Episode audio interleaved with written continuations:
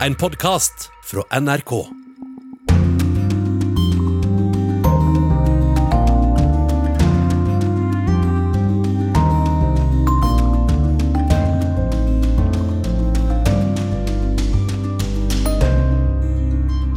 Det er opprør på Cuba, og demonstrantene bruker kulturen som våpen. Denne sangen, Patria Ibida, som betyr fedrelandet og livet, har bidratt til å utløse de store demonstrasjonene. Mens vokalisten i det hviterussiske bandet God's Tower står stadig sjeldnere på scenen fordi han føler seg truet av myndighetene. Hvordan går det med dyr og planter i Afrika? Ikke så bra ifølge Unescos liste over truede verdensarvsteder. Av 16 naturområder som er eh, på farelista, så er hele 12 stykker i Afrika. Og bra går det heller ikke i det ti år gamle landet Sør-Sudan. Stikkord er borgerkrig og sult, fattigdom og korrupsjon. Da er vi klare med Urix på lørdag. Jeg heter Anette Groth. Vi kan ikke unngå å starte med flommen i Mellom-Europa. Flere hundre mennesker er savnet i Tyskland og Belgia. 153 bekreftet døde i de to landene. Korrespondent Roger Severin Bruland, du er ved byen Wassenberg langs elven Ror, nær grensen til Nederland og Belgia. Og fortell oss hva som skjer der. Ja, Vi kom her seint i, går natt, og vi kom til eh, brannstasjonen eh, i Wassenberg. Der var det full aktivitet. Brannvesen, der var sivilforsvar, der var politi. Fordi at eh, en dam like ved hadde begynt å slå sprekker. Og 700 mennesker fra landsbyen oppover ble i natt i all hast eh, evakuert. Og nå driver en da og legger sandsekker eh, og sand for å prøve å dekke igjen denne sprekka. Og jeg tror mange ber til Gud om at eh, dette her skal gå bra. For ryker en sånn dam, så, så vil det jo komme en, en ganske alvorlig flom ned mot uh, den landsbyen Opphoven. Selv om den er evakuert, så vil det jo føre til store materielle skader. Du kom jo til flomområdet i går, og de voldsomme vannmassene har jo ført til enorme ødeleggelser. Hva ellers har du sett? Ja, vi kjørte jo til en by som heter Bad Neunar ved elva Ar. Og i vår naive tru så skulle vi bo på hotell der. Når vi kom til hotellet så var jo selvfølgelig det stengt. Strømmen var gått. Og vi så jo hvordan elva, elvevatna herja med den byen. Altså vi snakka om eh, biler som er kasta opp i lufta som legoklosser. Digre betongbruer som er vridd rundt som eh, sølvpapir. Og eh, vi snakket med en tilfeldig mann der i gata, og så sa han at ja, bare i den gata her så har to naboer omkomne. Og i hele den eh, byen så er det vel godt over 20 som har omkommet. Og det ser du når du ser eh, hvordan vannet herjer. Det her har kommet fort. Eh, Det er mer som en tsunami enn en flom, vil jeg si. Ja, du, du nevnte en mann du nevnte, og, og folk som var døde. Men hva sier menneskene du møter? Er de redde? Du blir jo fullstendig traumatisert når noe slikt skjer, fordi at uh, vannet kommer så fort, og plutselig så står du tilbake helt ribba. Livet ditt, uh, livsverket ditt, er ødelagt. Så det jeg merker nå, det er jo fortsatt de første dagene, er vel en slags sjokkstilstand. En prøver jo å rydde ut eh, det en kan av kjellere og det som har blitt skada, og prøver å sortere. Men det er jo klart det blir jo en helt overveldende prosess mange skal igjennom for å gjenoppbygge livet sine. Så akkurat nå så tror jeg veldig mange jeg snakker med, er rett og slett i sjokk. De klarer ikke å ta inn over seg hva som har skjedd. De er glad for at de har overlevd, og så er- sørger de over de de kjenner som har blitt skadd, og som er døde. Redningsmannskapene de arbeider jo på spreng, men hvor mye får egentlig de gjort? Ja, nå får de jo gjort ganske mye, for nå begynner vannstanden å gå ned. eh, Og da er jo det største problemet egentlig all den gjørma som kommer etter at vannet begynner å, å slakke på farten. Så drar det med seg mye gjørme. Og det tørker og blir til et ekkelt, stinkende støv som fyller lufta. Så vi må jo gå med munnbind mange plasser. Og det er krevende å begynne. Du må ha maskin, du må ha gravemaskin, og så må du bare begynne å grave. Du må begynne å grave elvene på plass igjen. Grave til veiene slik at den kommer til. Og så foregår det jo fremdeles et ganske stort eh, eh søk etter overlevende, fordi at eh, flommen har jo slått til eh, veldig lokalt over et stort område. Så det er jo et stort område å søke gjennom. Det er fortsatt mange som er savna. Så det er to prosesser som foregår. Det er en akutt søksprosess. Søke etter overlevende skadde, og også omkomne, selvsagt. Og så handler det om å begynne å få infrastrukturen på plass. Du må få telefonnettet opp og gå. Du må få eh, elektrisitet til folk. Og så lenge folk ikke har elektrisitet, eh, så er de jo avhengig av å få inn eh, rent eh, vann, få kokt seg varm mat. Så det er jo en svær nødhjelpoperasjon som er på, på trappene her i det vestlige Tyskland. Et moderne land, ja, men når sånne ting skjer, så, så trenger de den samme hjelpa som i hvilken som helst annen katastrofe, også, også i den tredje verden. Mye står igjen. Roger Severin Bruland, takk skal du ha.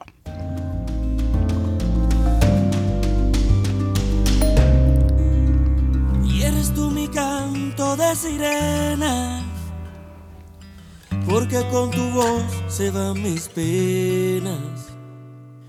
Y este sentimiento ya es tan viejo, tú me dueles tanto aunque estés lejos.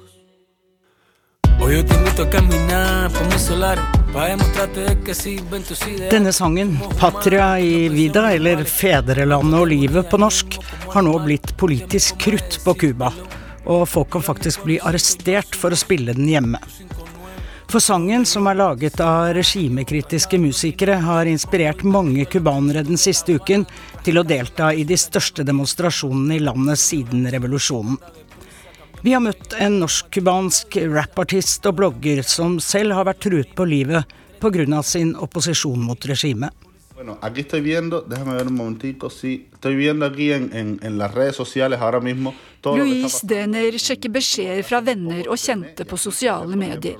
For siste nytt om hjemlandet Cuba. Han har sovet lite denne uka, etter at Cuba sist søndag opplevde de største demonstrasjonene siden revolusjonen i 1959. Han forteller om videoer og meldinger om folk som er banka opp, torturert og drept. Offisielt er én person bekrefta drept. Minst 100 er arrestert. Mange er kjente folk fra kulturliv og media. Mange er nå i fengsel. De fleste av dem er mine venner. Men vi har ikke hørt noe fra dem og veit ikke hva som har skjedd med dem, sier Louise. Folk på Cuba er livredde og i sjokk, sier han. Det har kommet meldinger om at politiet har gått inn i husene til folk og arrestert dem, sier Louise. Han har selv vært en del av det cubanske rappmiljøet i mange år, og vært en tydelig regimemotstander med egen YouTube- og Facebook-kanal.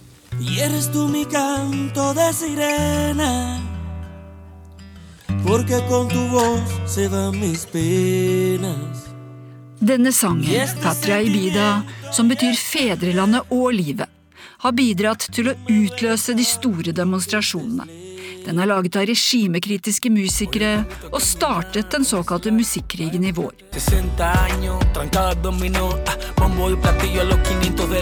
Den cubanske regjeringa svarte med en egen låt som de fikk regimetro musikere til å skrive.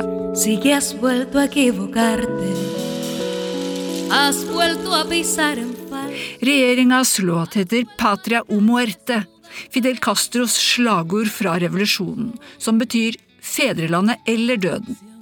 Dette slagordet har altså regimekritikerne endret til fedrelandet og livet.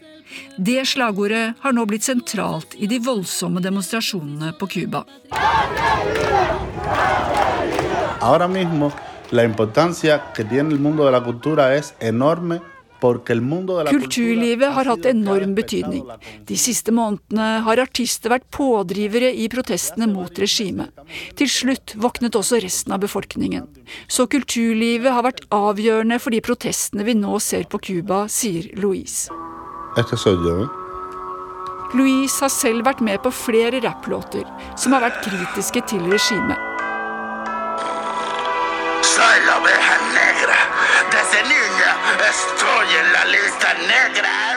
Her leser han et dikt i starten på en låt som også har blitt svært populær i motstandskampen. ¿Es peligroso para usted también?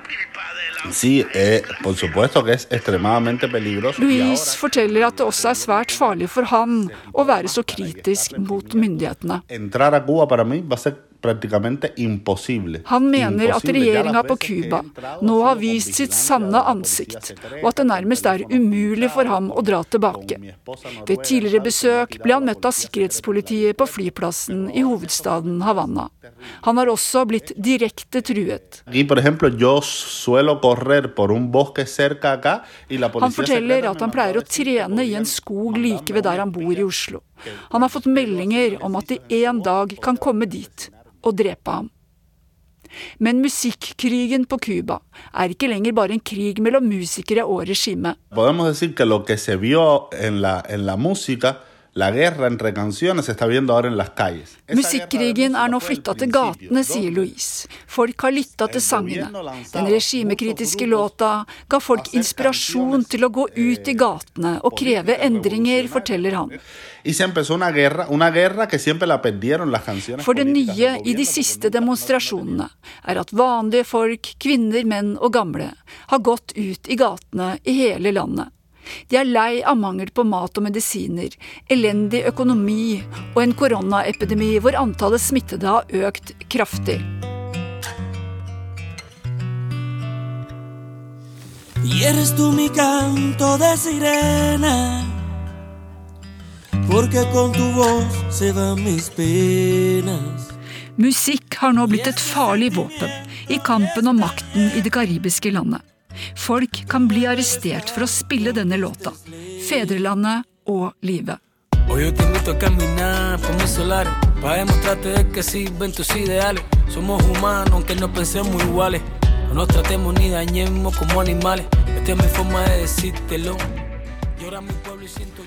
Patria i vida, fedrelandet og livet. FN er bekymret for volden og arrestasjonene i forbindelse med demonstrasjonene på Cuba, og ikke minst for flere arresterte det ikke er gjort- rede for. Reporter var Inger-Marit Kolstadbråten.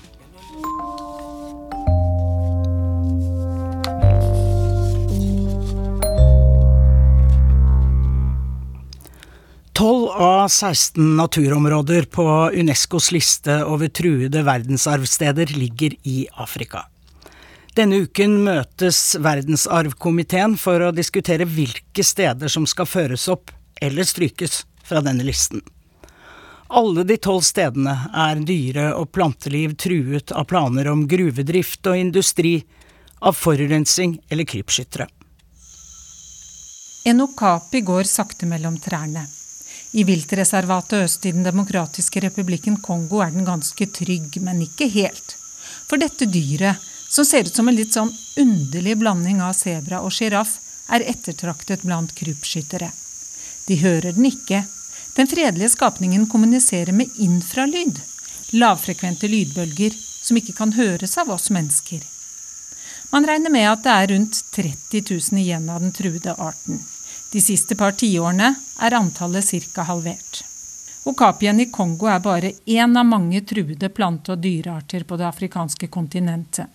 Den enorme verdensdelen er godt representert på Unescos liste over truede naturområder. Av 16 naturområder som er eh, på farelista, så er hele 12 stykker i Afrika. Det sier fagdirektør i Miljødirektoratet Berit Lein.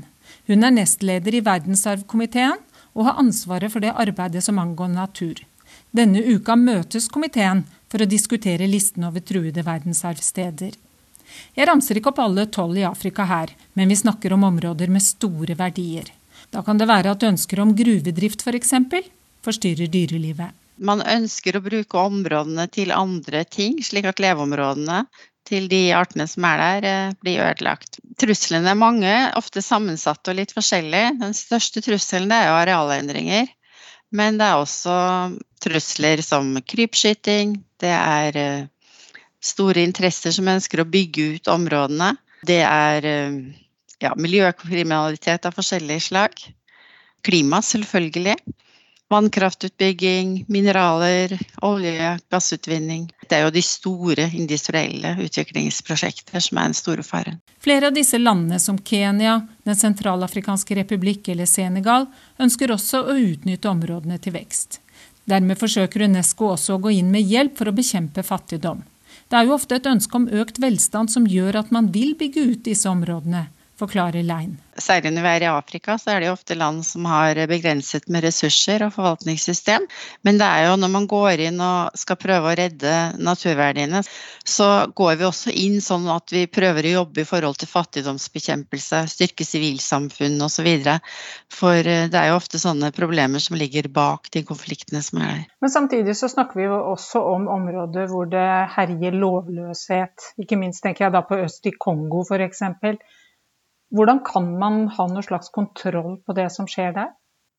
Ja, Det er vanskelig. Det er ikke noe tvil om at det er vanskelig. Og det som er tragisk, det er jo at man ser jo også at de som driver med oppsyn og forvaltning av områdene, blir eh, drept i utøvelse av sin jobb. Så det er forferdelig vanskelig, men samtidig så forsøker vi jo å bidra da, til at det bygges opp systemer som gjør at uh, det ikke blir helt lovløse tilstander. Det som skjer er brutalt. Voktere som blir drept fordi de vil beskytte elefanter som noen jakter for støttennene deres. De store dyrene ligger også igjen, døde, med gapende sår der støttennene var. Bonobo-apene blir også jaktet av krypskyttere.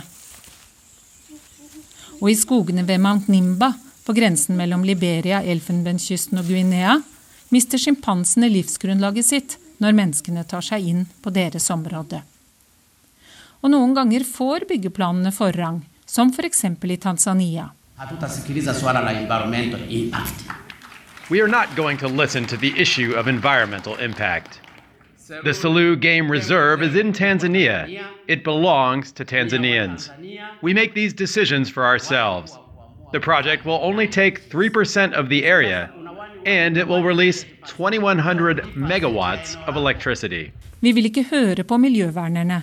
Området tilhører Tanzania, og vi trenger strøm, sa landets president i 2017. Så begynte utbyggingen av et enormt vannkraftverk i reservatet Selos sør i landet. Der mener man nå at uh, den utbyggingen er så omfattende at de verneverdiene som var grunnlag for innskrivene, ikke lenger er til stede, og at området derfor må ut av verdensarvlista. Hvordan vil du si at dette arbeidet har gått? da? Hvordan har utviklingen vært, og hvordan ser du veien framover? Ja, Det er jo framgang å spore i mange av områdene, heldigvis. Eh, nå har jo vi gitt midler eh, i tre år. Norge har gitt 25 millioner hvert år i tre år. og Det er klart det er et langsiktig arbeid, men vi får veldig positive tilbakemeldinger på det som er gjort. Men det er, eh, det er håp, og det må det være. Og det er bare å jobbe langsiktig og fortsette videre og håpe at det skal gå bra.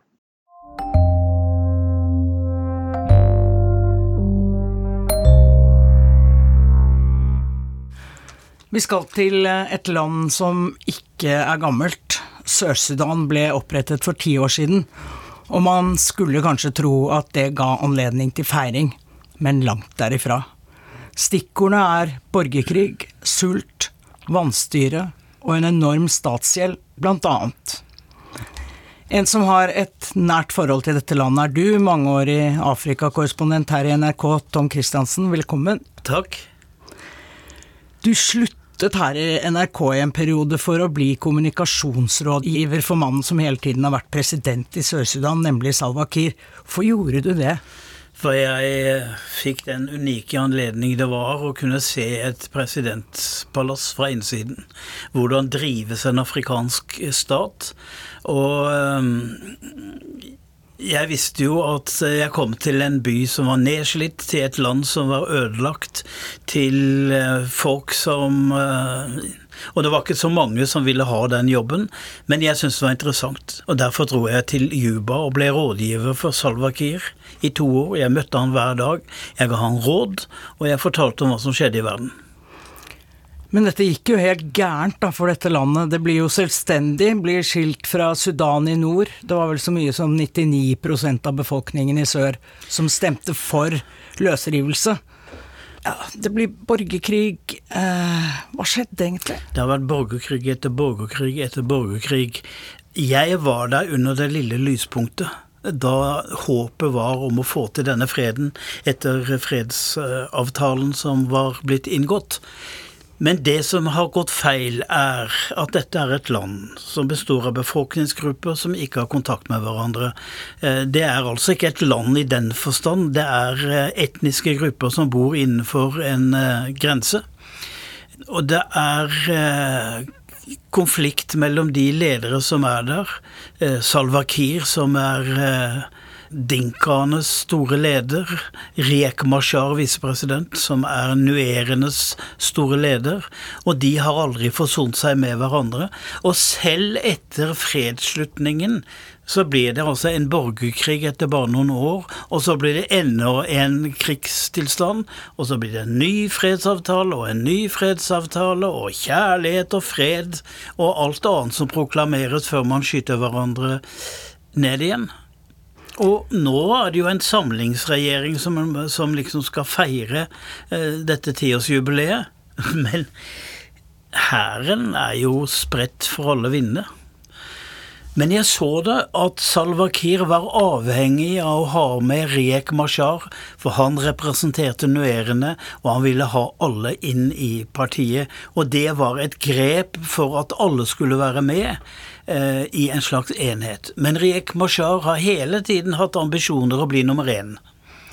Og derfor, i 2013 da det brøt ut ny borgerkrig igjen, så plutselig forsvant alle soldatene som hadde nuer-bakgrunn. De forsvant ut til Riek Mashar, som hadde rømt fra Juba for sitt bare liv. Og dermed så ble hæren delt i to, og det skjedde på et øyeblikk. Og det betyr at det ligger altså etniske spenninger i dette landet som de ikke har klart å løse. Folk som bor der, de må jo ha det ganske forferdelig. Blant annet så er jo sult brukt som et våpen i denne borgerkrigen her. Det er en enorm statsgjeld, det er fattigdom, det er, det er bare elendighet. Hvordan er det for folk? Eh, halve befolkningen får ikke den maten de skal. Og i løpet av de ti siste årene er 400 000 mennesker blitt drept, i tillegg til de to millioner som ble drept før i de to borgerkrigene siden 80-tallet. Eh, det er eh, store grupper av folket som eh, er helt på skjelettnivå i dette landet. Men det er jo ingen, ingen, som bryr seg om dette, for det er andre konflikter som er mer spennende å, å, å, å ta fatt i. Men er dette villet? Ja, det er villet. Man sulter gjerne ut de andre, og FN har erklært det som en forbrytelse mot menneskeheten. Derfor er spørsmålet hvem skal ta opp det spørsmålet om Salwa Kiir og Riek Mashar virkelig er skyld i folkemord? Burde ikke de sitte for den internasjonale straffedomstolen i Haag? Nei, dit kommer de ikke simpelthen fordi de ikke er medlem av den straffedomstolen eh, Sør-Sudan. Men Sikkerhetsrådet, FNs sikkerhetsråd, kan reise saken. Og jeg har jo ment og skrevet at eh, Norge bør benytte anledningen til å gjøre en innsats for at krigsforbrytere fra Sør-Sudan faktisk blir dømt. Vi har brukt så mye penger og så mye politikk på det landet. Men pøser vi fremdeles penger inn i statskassen til disse to på toppen? Nei, ikke statskassen, men alle andre kasser. Eh, penger som går til å holde liv i folk, det er eh, det man kan gjøre i Sør-Sudan. Men støtte inn i de korrupte institusjonene i Sør-Sudan, det er det slutt på. Ti år, men ingen lykke i Sør-Sudan. Takk skal du ha, Tom Christiansen. Det blir stadig farligere å protestere mot regimet i Hviterussland. For 48 år gamle Vlad Novitsjolov har livet endret seg totalt det siste året. Tobarnsfaren frykter for livet etter at han la igjen en kommentar på nettet der han kalte guvernøren i hjemfylket for et dumt villsvin.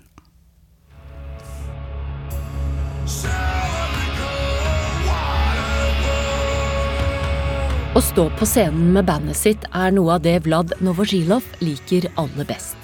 Men det er lenge siden siste konsert for vokalisten i det hviterussiske bandet God's Tower. Tobarnsfaren bor i Minsk og jobber i et spillselskap, men framtida er blitt usikker og skummel.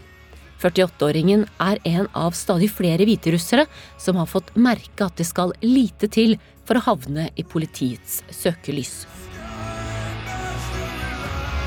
16. august 16.8 i fjor så han en video på YouTube der guvernøren i hjemfylket hans svarte på spørsmål fra innbyggerne. Novosjilov likte ikke det han hørte, og skrev i kommentarfeltet at guvernøren var et dumt villsvin. I dag er den setningen blitt et mareritt for Novosjilov. For i april i år, hele åtte måneder etter kommentaren, banka etterforskere på døra hans. Etter det har det gått fort. Navashilov ble tiltalt for å fornærme en representant for myndighetene, og i juni var det rettssak. Hvordan det gikk, skal vi komme tilbake til. Dette er presidenten i Hviterussland, Aleksandr Lukasjenko. Han har styrt landet i stadig mer diktatorisk retning siden 1994. Men da han i august i fjor utropte seg til vinner etter nok et presidentvalg, mente opposisjonen at resultatet var forfalska. Tusenvis av folk fylte gatene i hviterussiske byer.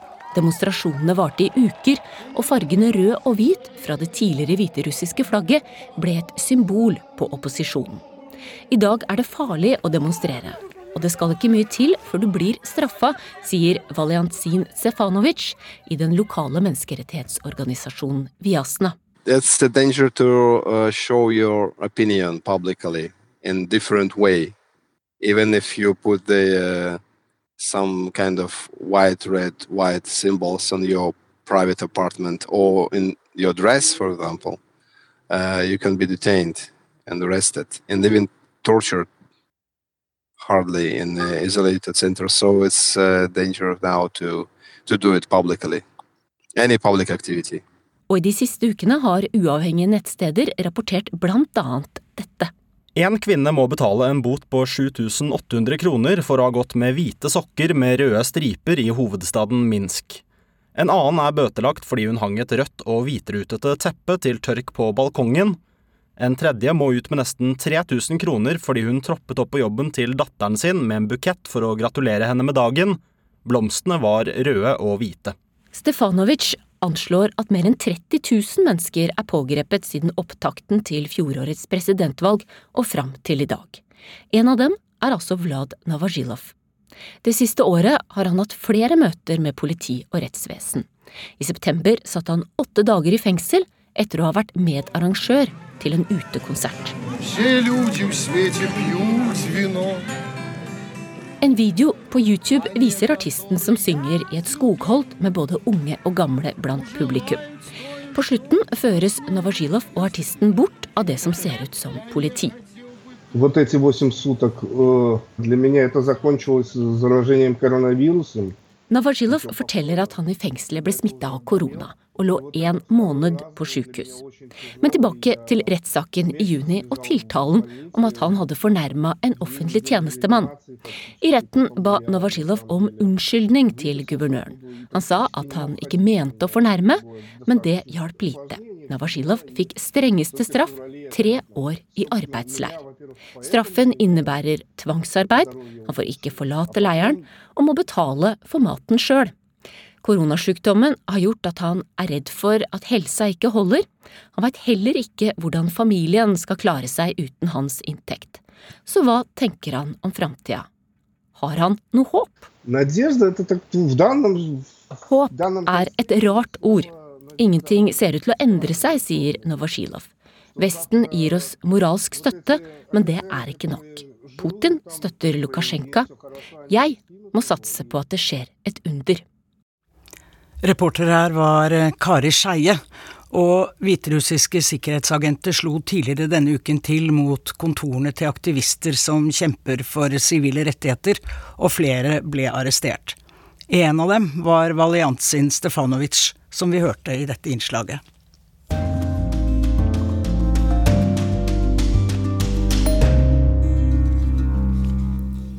Russisk kaviar er berømt over hele verden. Den kan koste titusenvis av kroner per kilo. Men hvorfor i all verden er det nesten umulig å lage en reportasje om det som kalles Russlands sorte gull? Det lurer vår mann i Moskva på i dette korrespondentbrevet. Hvis jeg på forhånd hadde visst om alle problemene jeg kom til å møte på, så hadde jeg aldri begynt på dette prosjektet. Men jeg er altså svært interessert i fenomenet russisk kaviar. Og jeg synes det smaker veldig godt og gir et måltid en festlig atmosfære. Selv her i Russland er det ganske dyrt, og det regnes som landets fremste delikatesse. Den sorte kaviaren kommer fra fiskefamilien stør.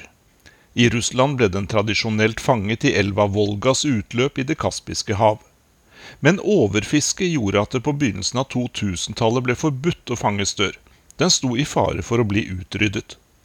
Men oppdrett var naturligvis lov, og dermed begynte en ny type produksjon av Russlands sorte gull. Oppdrettsanlegg finnes flere steder i Russland, både utendørs og i basseng innendørs. Vi hadde funnet fram til en person som organiserte opptak for oss i byen Astrahan ved Volgas utløp.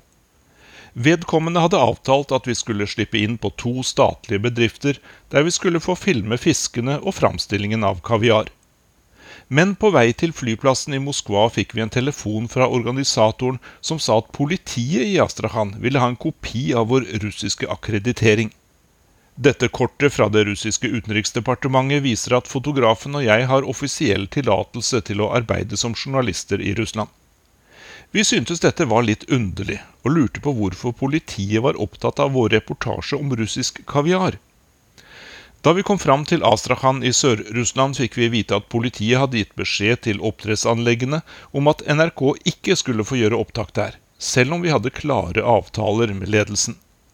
Begrunnelsen skulle være at Norge er et Nato-land, og at forholdet mellom Russland og Nato nå er svært dårlig. Så der var vi i Astrahan, og planene våre hadde gått i bøtta, for å si det pent. Vår organisator kontaktet et annet statlig oppdrettsanlegg, men resultatet ble det samme der. Det siste forsøket var hos en stor privat produsent. Der sa ledelsen at politiet ikke bestemmer hvem som skal slippe inn på deres anlegg, og at vi skulle få gjøre opptak neste dag. Jeg må si at jeg ikke sov så godt den natta. Og på kjøreturen ut til oppdrettsanlegget ventet jeg hele tiden på at det skulle komme en telefon med skuffende nyheter. Men ingenting skjedde. Vi kom vel fram og fikk se det kjempestore anlegget. Merdene med stør var i en kjempestor dokk der det tidligere hadde blitt bygd skip. Anlegget lå i en liten sideelv til Volga, og vann fra elva strømmet gjennom merdene. De ansatte viste oss rundt. De hevet garnet i merdene slik at vi kunne se de forskjellige typene stør. I form ligner de litt på hai, men de har ikke tenner. Den største støren er beluga. Den kan bli flere hundre kilo, og inntil 100 år gammel. Den produserer kaviar først når den er om lag 15 år, og da med noen års mellomrom. Beluga-kaviar gir den høyeste prisen. Den vanligste støren er acetrina. Den blir som regel mellom 20 og 80 kilo. Den gir kaviar annethvert år. Mellom 20 og 30% av fiskens vekt kan være kaviar. Størene undersøkes med ultralyd for å finne ut når rogna kan hentes ut. Det foregår ved at det gjøres et snitt i buken på fisken. Det snittet utvides med en stor pinsett, og så strykes rogna ut. Etterpå desinfiseres kuttstedet, og fisken slippes tilbake i merdene. Der svømmer den rundt til rogna igjen er moden. Den støren som har blitt nokså gammel, blir slaktet, og det pågår en diskusjon blant forstå-seg-på-året om det er forskjell på kaviaren som strykes ut av fisken, og den som kommer fra slaktet fisk. Noen mener at en del av fiskeeggene skades når det legges press på fiskebuken for å få ut eggene.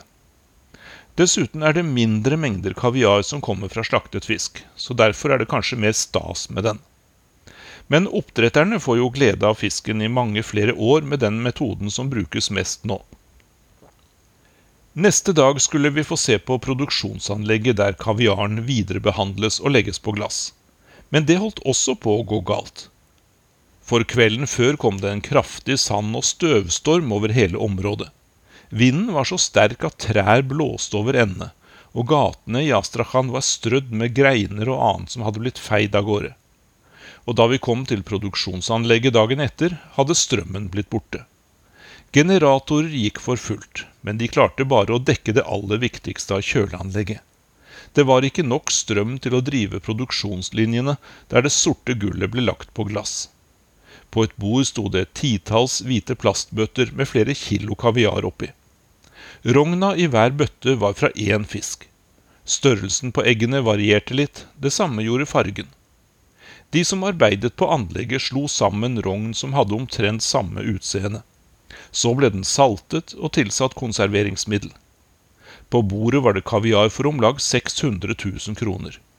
Det måtte nå kjøles ned, slik at det holdt seg inntil strømmen kom tilbake og pakkingen kunne begynne. Jeg spurte de ansatte om de smakte på kaviaren, og de sa at det naturligvis var en del av jobben. Men ikke alle var like begeistret for denne delikatessen som jeg er. Noen ba til og med om å få arbeide på en annen avdeling der fisken bearbeides, slik at de slapp å spise kaviar en stund. Ja ja, hver sin smak. Jeg spurte selvsagt ikke om å få smake, for det var veldig strenge hygieneregler på anlegget. Men da vi var nesten ferdig med opptakene, kom direktøren med noen bitte små glass med smaksprøver. Det var to forskjellige typer med beluga-kaviar. Den ene var ganske lys og grågrønn på farge, og eggene var større enn det jeg hadde prøvd tidligere. Noen sier at kaviaren fra beluga kan ha en nøtteaktig smak og en kremaktig konsistens. Jeg vet nå ikke riktig. Jeg synes fortsatt det smaker fisk og salt, men på en delikat måte. Den andre typen vi fikk smake, var mer mørkegrå og lik det jeg har smakt før, men saltinnholdet var lavere. Det er visstnok det de moderne kundene vil ha. Det var veldig moro å smake på verdens mest eksklusive russiske kaviar, men jeg må si at jeg savnet veldig et glass med sprudlende vin. Delikatessen blir ikke helt det samme uten. De som kjenner kaviarmarkedet, sier at ikke alt det sorte man ser er ekte gull. For et par tiår siden begynte kinesiske oppdrettere også med stør. De skal visstnok være i stand til å selge kaviar betydelig rimeligere enn russerne. Og det går rykter om at noen russiske produsenter kjøper rimelig kinesisk vare, men pakker den og selger den som russisk kaviar. Det er umulig for meg å si om dette er sant, eller om det bare er rykter. Men hvis det skjer, så er det svært store penger å tjene og noen sa til meg at det ikke er helt sikkert at det var problemer i storpolitikken mellom øst og vest som gjorde at vi ikke slapp inn på flere av oppdrettsanleggene. Kanskje var noen redde for at vi skulle oppdage at den russiske kaviaren som ble lagt på glass, ikke var så veldig russisk likevel. Og da kunne det være greit å gi Nato skylda. Men hva som er sant, se det får jeg nok aldri vite. Og det er jo litt ergerlig for en journalist. Men inntil videre får jeg heller trøstespise litt mer kaviar. For nå vet jeg hvordan den beste russiske delikatessen skal smake. Sa Jan Espen Kruse fra Moskva, som hadde skrevet dette brevet.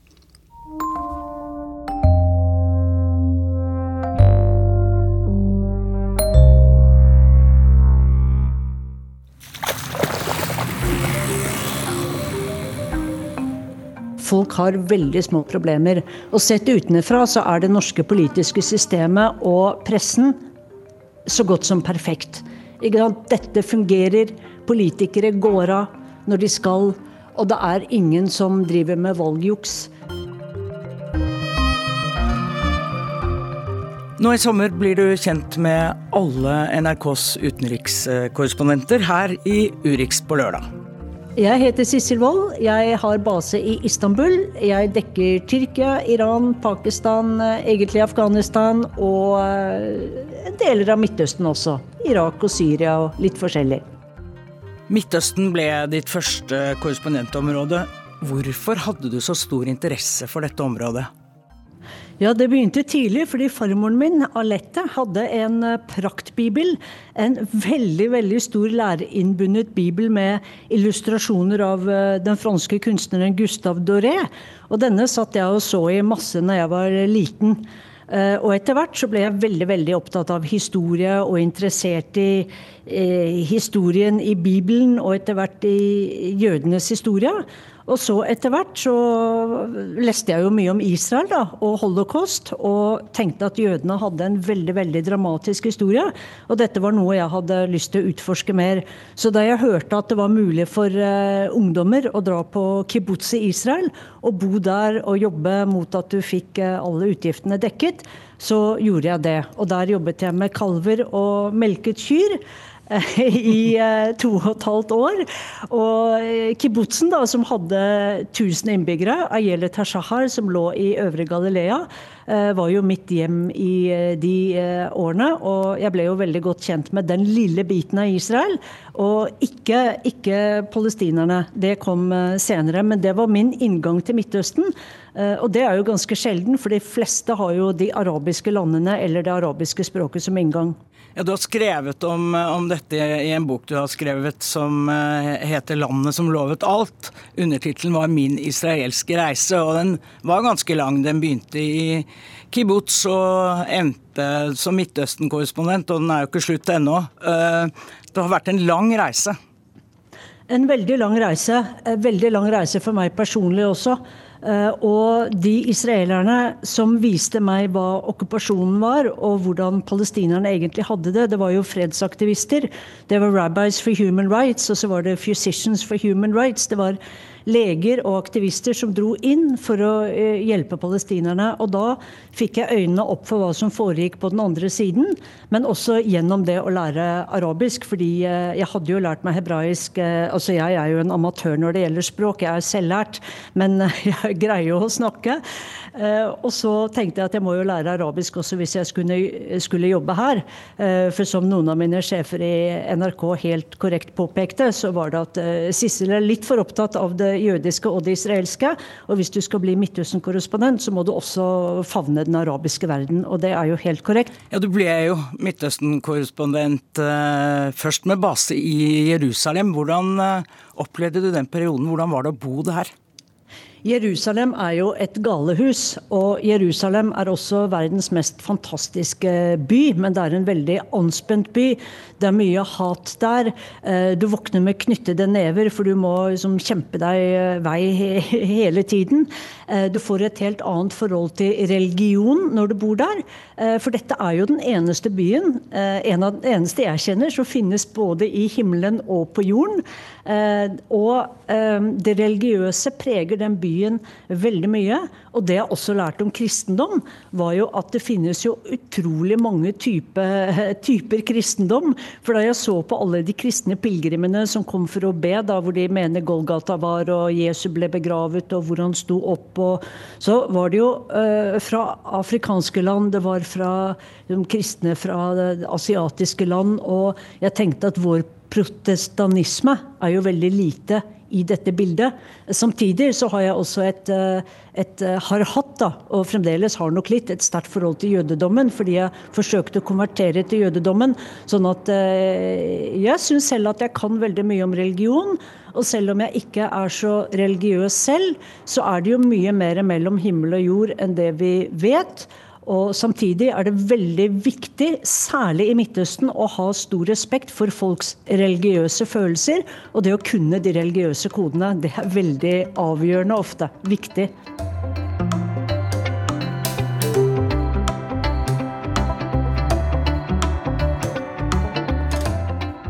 Du sier selv at du er opptatt av språk. Du, du kan hebraisk, du lærte deg arabisk, og nå lærer du deg jammen tyrkisk også.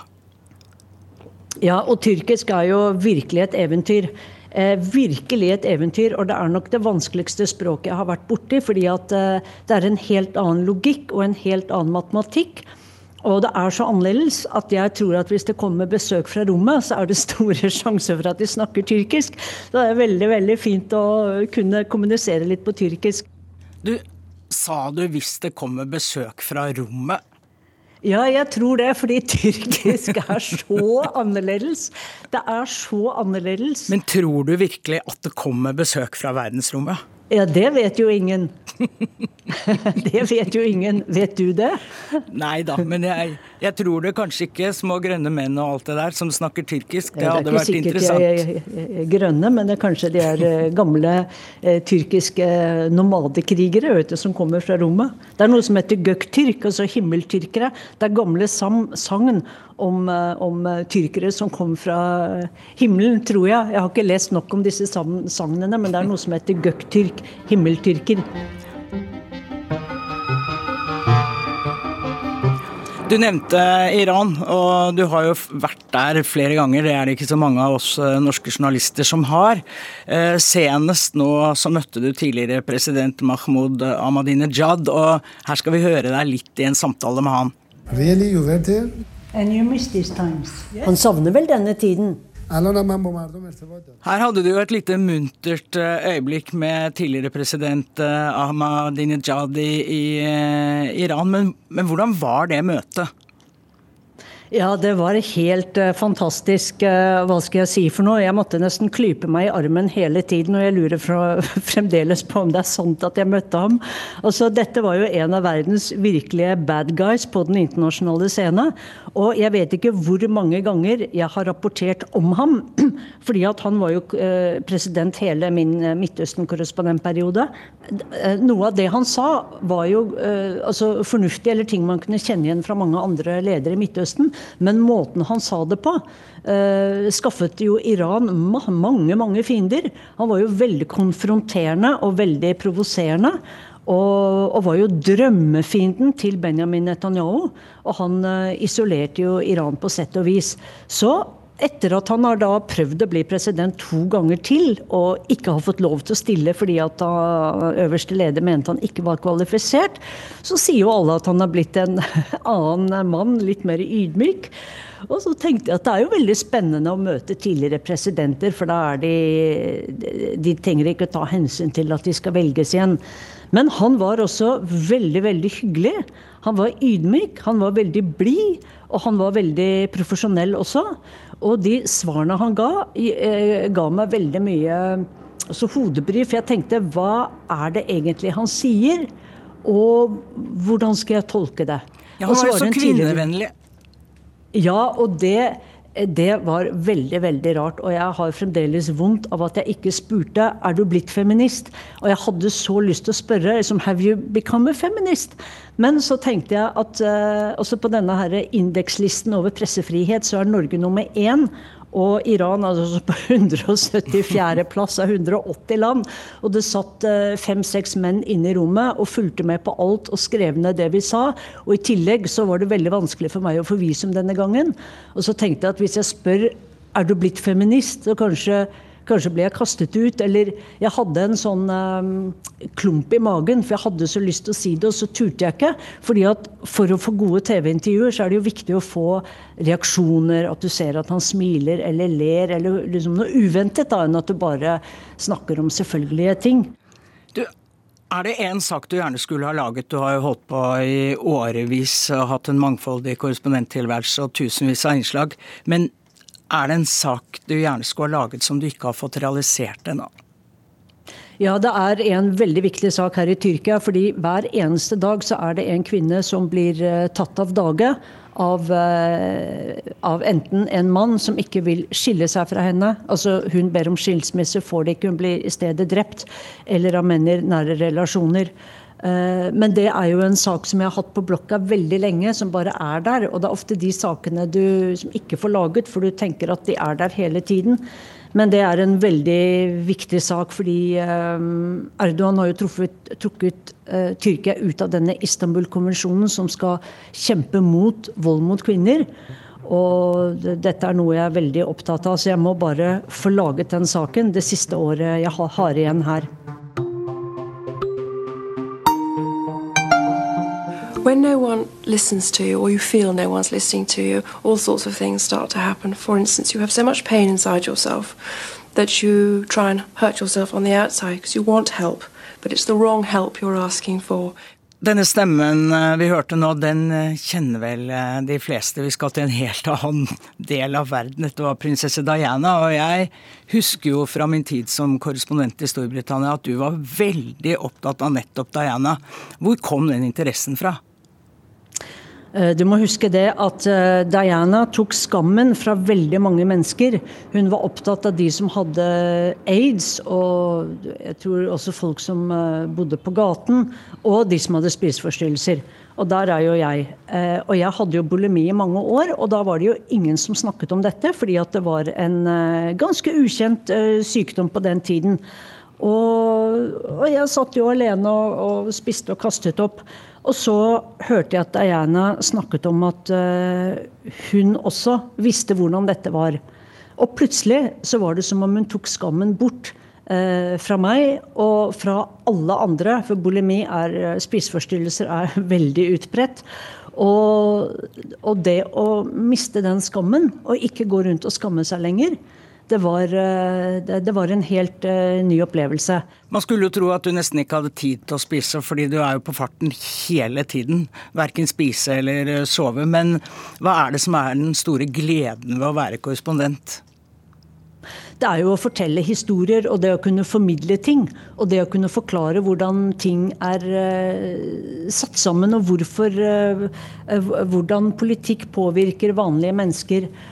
Og, og, så er det å løfte frem eh, spesielle mennesker, eh, spesielle altså folk du treffer, som gjør en innsats på en eller annen måte. Og jeg er jo en tilhenger av konstruktive nyheter. Prøver å lete etter litt eh, gode og positive saker. For det vil folk gjerne ha. Men det er jo nysgjerrigheten også. En nysgjerrighet etter å og, og, og, skjønne hva som skjer, og forstå hva som foregår rundt deg. Og en del av den nysgjerrigheten hos meg er jo å lære språk, fordi at jeg vil vite hva som står på reklamene, og hva som står på, liksom står på førstesiden av avisene. Så det er en, en, drivkraften er jo nok eh, nysgjerrighet først og fremst, og det å formidle. Du, du jobber og jobber. Har du noe som kan ligne på en hobby? Uh, ja, det er jo noen ting som uh, må fungere her for at livet skal være i vater. Det ene er å gå på hammam, gå på tyrkisk bad. Og jeg har et nærhammam eh, som jeg elsker, som jeg går eh, til eh, ja, sånn annenhver uke. Eh, og det er fra skal vi se, 1560, bygget av sjefsarkitekt Mimar Sinan under Suleimandens Magnificent, den store. Og så driver jeg med tyrkisk, da, det er en hobby. Og så jeg, eh, går jeg og trener. Jeg har en fantastisk eh, sånn personlig trener. Altså, det tar jeg meg råd til, virkelig, som heter Selcan. Og som jeg ofte går til. Og både tyrkisklæreren fra Tors og personal trainer Selcan og de som er på Hamamen, dette er jo folk jeg snakker med, trener tyrkisk med, og som jeg også hører eh, fra hva som skjer i det tyrkiske samfunnet. For de er jo opptatt av ting, og så kan jeg få ideer til hva jeg kan rapportere om eller får, eh, får fulgt med på hva som skjer. Du har vært eh, korrespondent i urolige hjørner av verden. Er det for kjedelig her i Norge? Eh, nei, men folk har veldig små problemer også. Folk har veldig små problemer. Og sett utenfra så er det norske politiske systemet og pressen så godt som perfekt. Dette fungerer. Politikere går av når de skal. Og det er ingen som driver med valgjuks. Og dette er jo hverdagen i de fleste land jeg dekker. Og, og, så er det Du kan drikke vannet rett av springen. Hvor mange steder kan du det? Og det er, eh, det er nærmest, eh, nærmest et perfekt samfunn, og det må folk sette pris på. Ja, folk har veldig lite å klage over, altså. Ja, det har de. Men samtidig, så jeg skal hjem til jul. Jeg gleder meg til å være sammen med kolleger igjen. Jeg har vært veldig mye alene her pga. mye lockdown og portforbud. Og jeg jobber jo mye alene, da, men jeg har jo en veldig god fotograf. Jeg har gode tolker rundt omkring. Jeg har et kontorfellesskap som jeg går til innimellom. Eh, men jeg har jo ikke sett familien på nesten et halvt år. så så jeg gleder meg jo også til å komme hjem til norsk natur, og Norge er jo hjemme.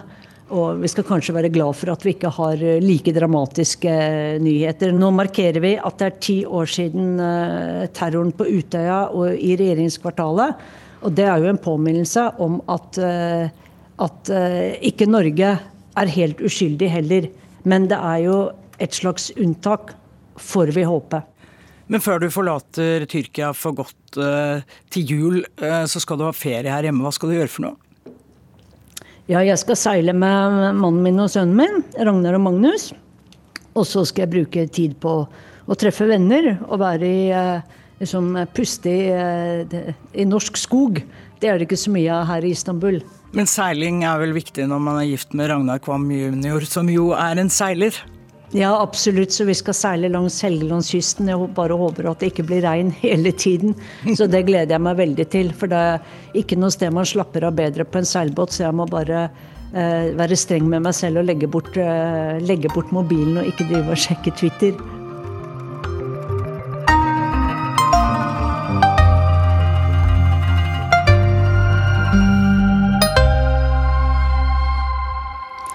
Ja, det var eh, Sissel Wold som skal forsøke alt hun kan å legge fra seg mobilen når hun nå har ferie. Ida Larald Brenna var ansvarlig for det tekniske i denne sommerspesialen. Og dermed er Urix på lørdag over for denne gangen. Produsent for det hele var Truls Lier. Bak spakene i teknikken Bobo Bjørnskjold. Og her i studio jeg, Anette Groth, og vi ønsker dere alle en fortsatt god helg.